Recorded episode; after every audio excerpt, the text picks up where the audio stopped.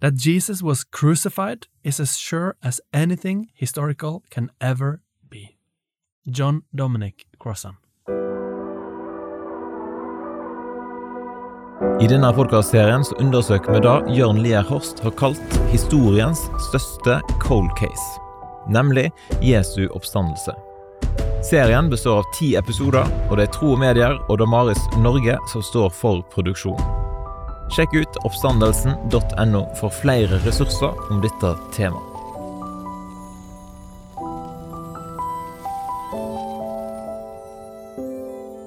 I denne episoden her skal vi snakke om eh, det første faktaet som du så på, Tor, i oppgaven din, nemlig da at eh, Jesus var død etter å ha blitt henrettet med korsfestelse. Hvorfor er dette så sikkert, eh, Tor? Jo, det er ja, det man skal si dessverre sånn at romerne var ekstremt dyktige på henrettelse, og korsfestelse var den verste form for henrettelse som de visste om, for det var forferdelig tortur og utrolig ydmykende for den som opplevde det. Er det sånn at da at Jesus ble korsfesta, er bekreftet av andre historiske kilder enn eh, skriftene i Nytestamentet? Ja, det er det. I tillegg til at eh, det er bekreftet i Det nye testamentet, som eh, er de viktigste kildene som vi har, da. Så skriver blant annet Josefus om dette, Tacitus skriver om det, Lukian skriver, og en syrisk forfatter som heter Mara Bar Sarpian. Dette med korsfestelse det er jo ikke noe vi nødvendigvis er vant til, heldigvis, da, i 2023. Kan du fortelle litt om hva var det som skjedde, egentlig? Når romerne korsfestet folk, så var det en tretrinnsprosess, da. Der den første delen besto i å piske personen med skarpe knivblader fra skuldrene, kors, ryggen, ned bak på leggene. Da. Og det var så voldsomt at ikke bare røsket man av huden på den som skulle bli korsfestes, men man kunne gjerne også faktisk se innvoller. da. Dette ser vi at skjer i Jesus' sin situasjon. Man vet ikke om Jesus ble pisket på framsiden også, det gjorde de òg noen ganger, men vi vet i at Jesus var så skadet av denne innledende torturen at han ikke klarte å bære korset sitt. Så kommer man fram til korsfestelsesstedet, som er da del to av korsfestelsen, der man slår inn en spiker i hver ankle, og så inn under hånden, inn i armen, med en spiker, da. Og den spikeren den kommer mellom de to beina som man har som går inn mot hånden vår, altså de ti fingrene som vi har, og da enten knuser den den største nerven som vi har, eller så blir den liggende dirre inntil denne nerven, da.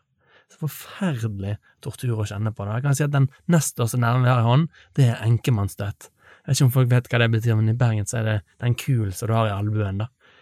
Eh, så det er fryktelig tortur. Og der henger man, da, i alt fra noen timer til dager. Og når man henger sånn i et kors, med hodet bøyd over brystet, og armene høyt opp, så er det vanskelig å puste. Da er det akkurat som å puste gjennom et sugerør. Så det som denne personen må gjøre, som er korsfestet, er at han må løfte seg opp med denne skrapede ryggen inntil korset og, og med disse spikrene gjennom armer og bein. Løfte seg opp, gispe etter luft, og så faller man ned i utgangsposisjonen igjen. Og løfte seg opp og puste. Og derfor er det ganske enkelt både for bøddelet og for tilskuerne å vite når personen er død, for da har det vært, eh, har det vært en stund siden han har gått opp for å gispe etter lufta. Og disse romerske bøllene, de var dyktige i det de gjorde, og spesielt i Jesus sin situasjon så var det veldig viktig at de gjorde det på en ordentlig måte, og at han døde.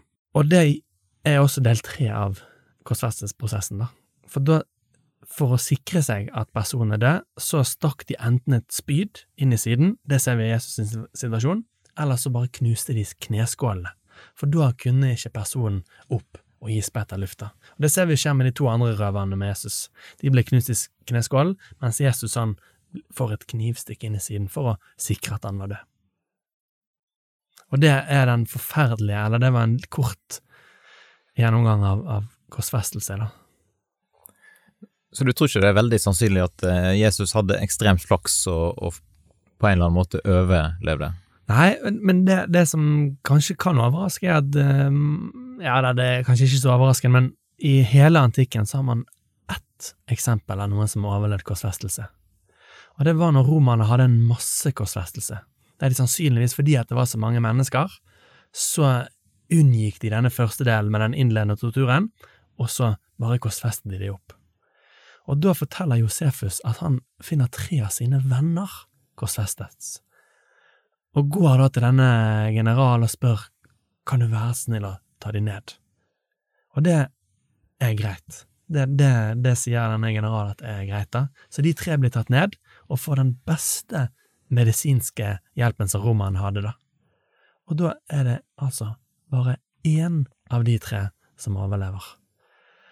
Og de hengte jo ikke så veldig lenge der, så i Jesus sin, sin situasjon med den innledende torturen Han fikk garantert ikke Romers beste hjelp hvis han ble tatt ned, og disse bødlene som på en måte har livet sitt på spill, yrket sitt på spill, at de da skulle droppe å sjekke pust og puls, og så eh, at Jesus blir lagt i en grav og ligger der i, i, i godt over et døgn, og så da at han plutselig skulle våkne opp igjen, ta bort steinen, vise seg for disiplene og si 'hallo, jeg er stått opp igjen'.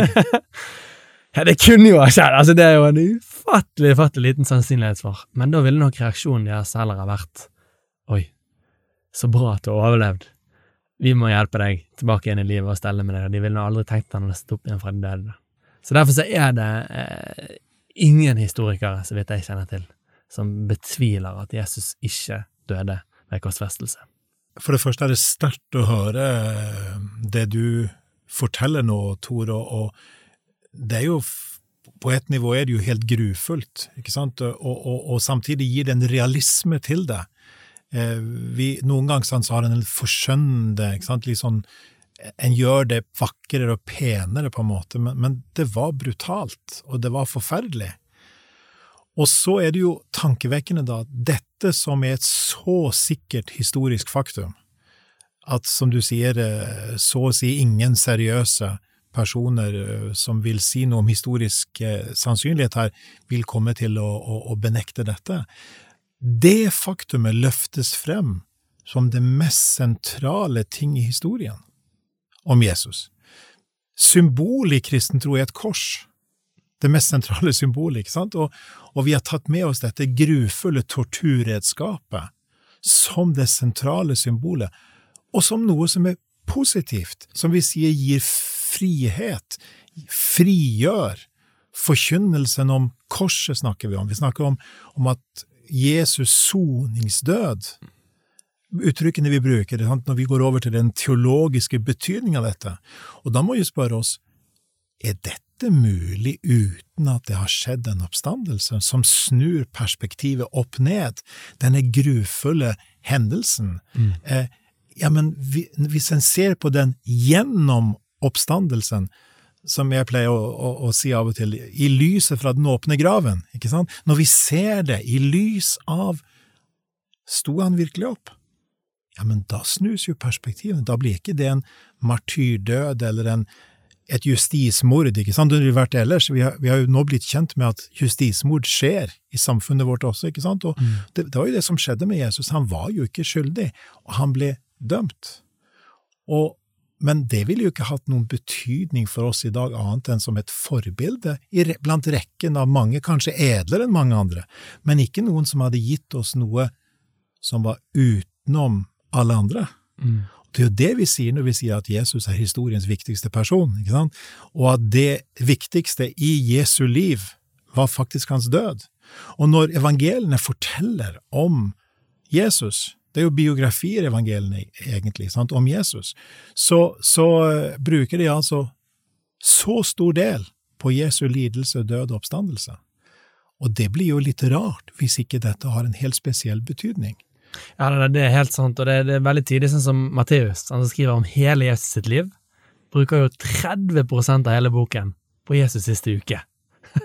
Det forteller jo noe om hvor viktig akkurat disse hendelsene her er i Jesus sitt liv. da. Det er akkurat det, og det får, kommer frem så tydelig i selve strukturen i fortellingen. Mm. Så jeg tenker at her, her har vi et signal både til et historisk faktum, og at dette grufulle som korsfestelse var, blir et godt budskap, ja, det er i seg selv bygger på at en var overbevist om at det har skjedd noe som endret alle perspektiver. Ja, og dette her er jo veldig radikalt menneskesyn. Det er helt vanvittig hva kristne egentlig tror. At, eh, at den verdien Jesus setter på det enkelte mennesket, det er hans eget liv. Dette er han villig til å gå gjennom i kjærlighet til oss mennesker. Der, jeg husker det var en far, eh, jeg syntes det var så fint, en far som hadde en liten jente på fire-fem år. Og så sier, eh, så sier denne lille jenten da, pappa, pappa, hvorfor finnes jeg? Og så svarer faren veldig beundringsverdig at du finnes fordi at jeg ønsket deg. Jeg ville deg. Jeg tror det at hvis vi spør Gud om det samme, da, mennesket og livet, hvorfor finnes det? Fordi at jeg ønsket det. Du finnes fordi at jeg ville deg. Og det er jo egentlig kjernen i korset. Jesus, hvorfor led og døde du? Fordi jeg elsker deg. Så når vi nå ser på det første faktaet, første faktumet, sant, eh, Jesus døde virkelig, så ser vi i lys av, dersom oppstandelsen virkelig skjedde, så blir dette grufulle historiske faktumet et godt budskap. Ja. Men det gjenstår jo å se. I denne TV-serien som er lagd, eh, Tor, så siterte du en eh, forsker som heter Gert eh, Lydemann. Hva var det han eh, konkluderte med, Tor? Ja, han eh, konkluderer med at the fact of Jesus' death as the consequence of crucifixion is indisputable. Og da hører det til bildet at Gerd Lydemann regnes blant de kritiske bibelforskerne. Dette er ikke noen selvfølge at han ville sagt det.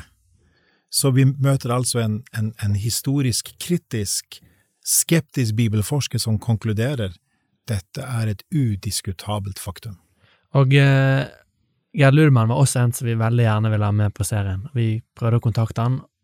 Rett i forkant så døde faktisk eh, Gerd Ludman, så det, det var veldig trist. I neste episode så skal vi snakke om fakta at Jesu grav, den var tom. Så følg med, følg med.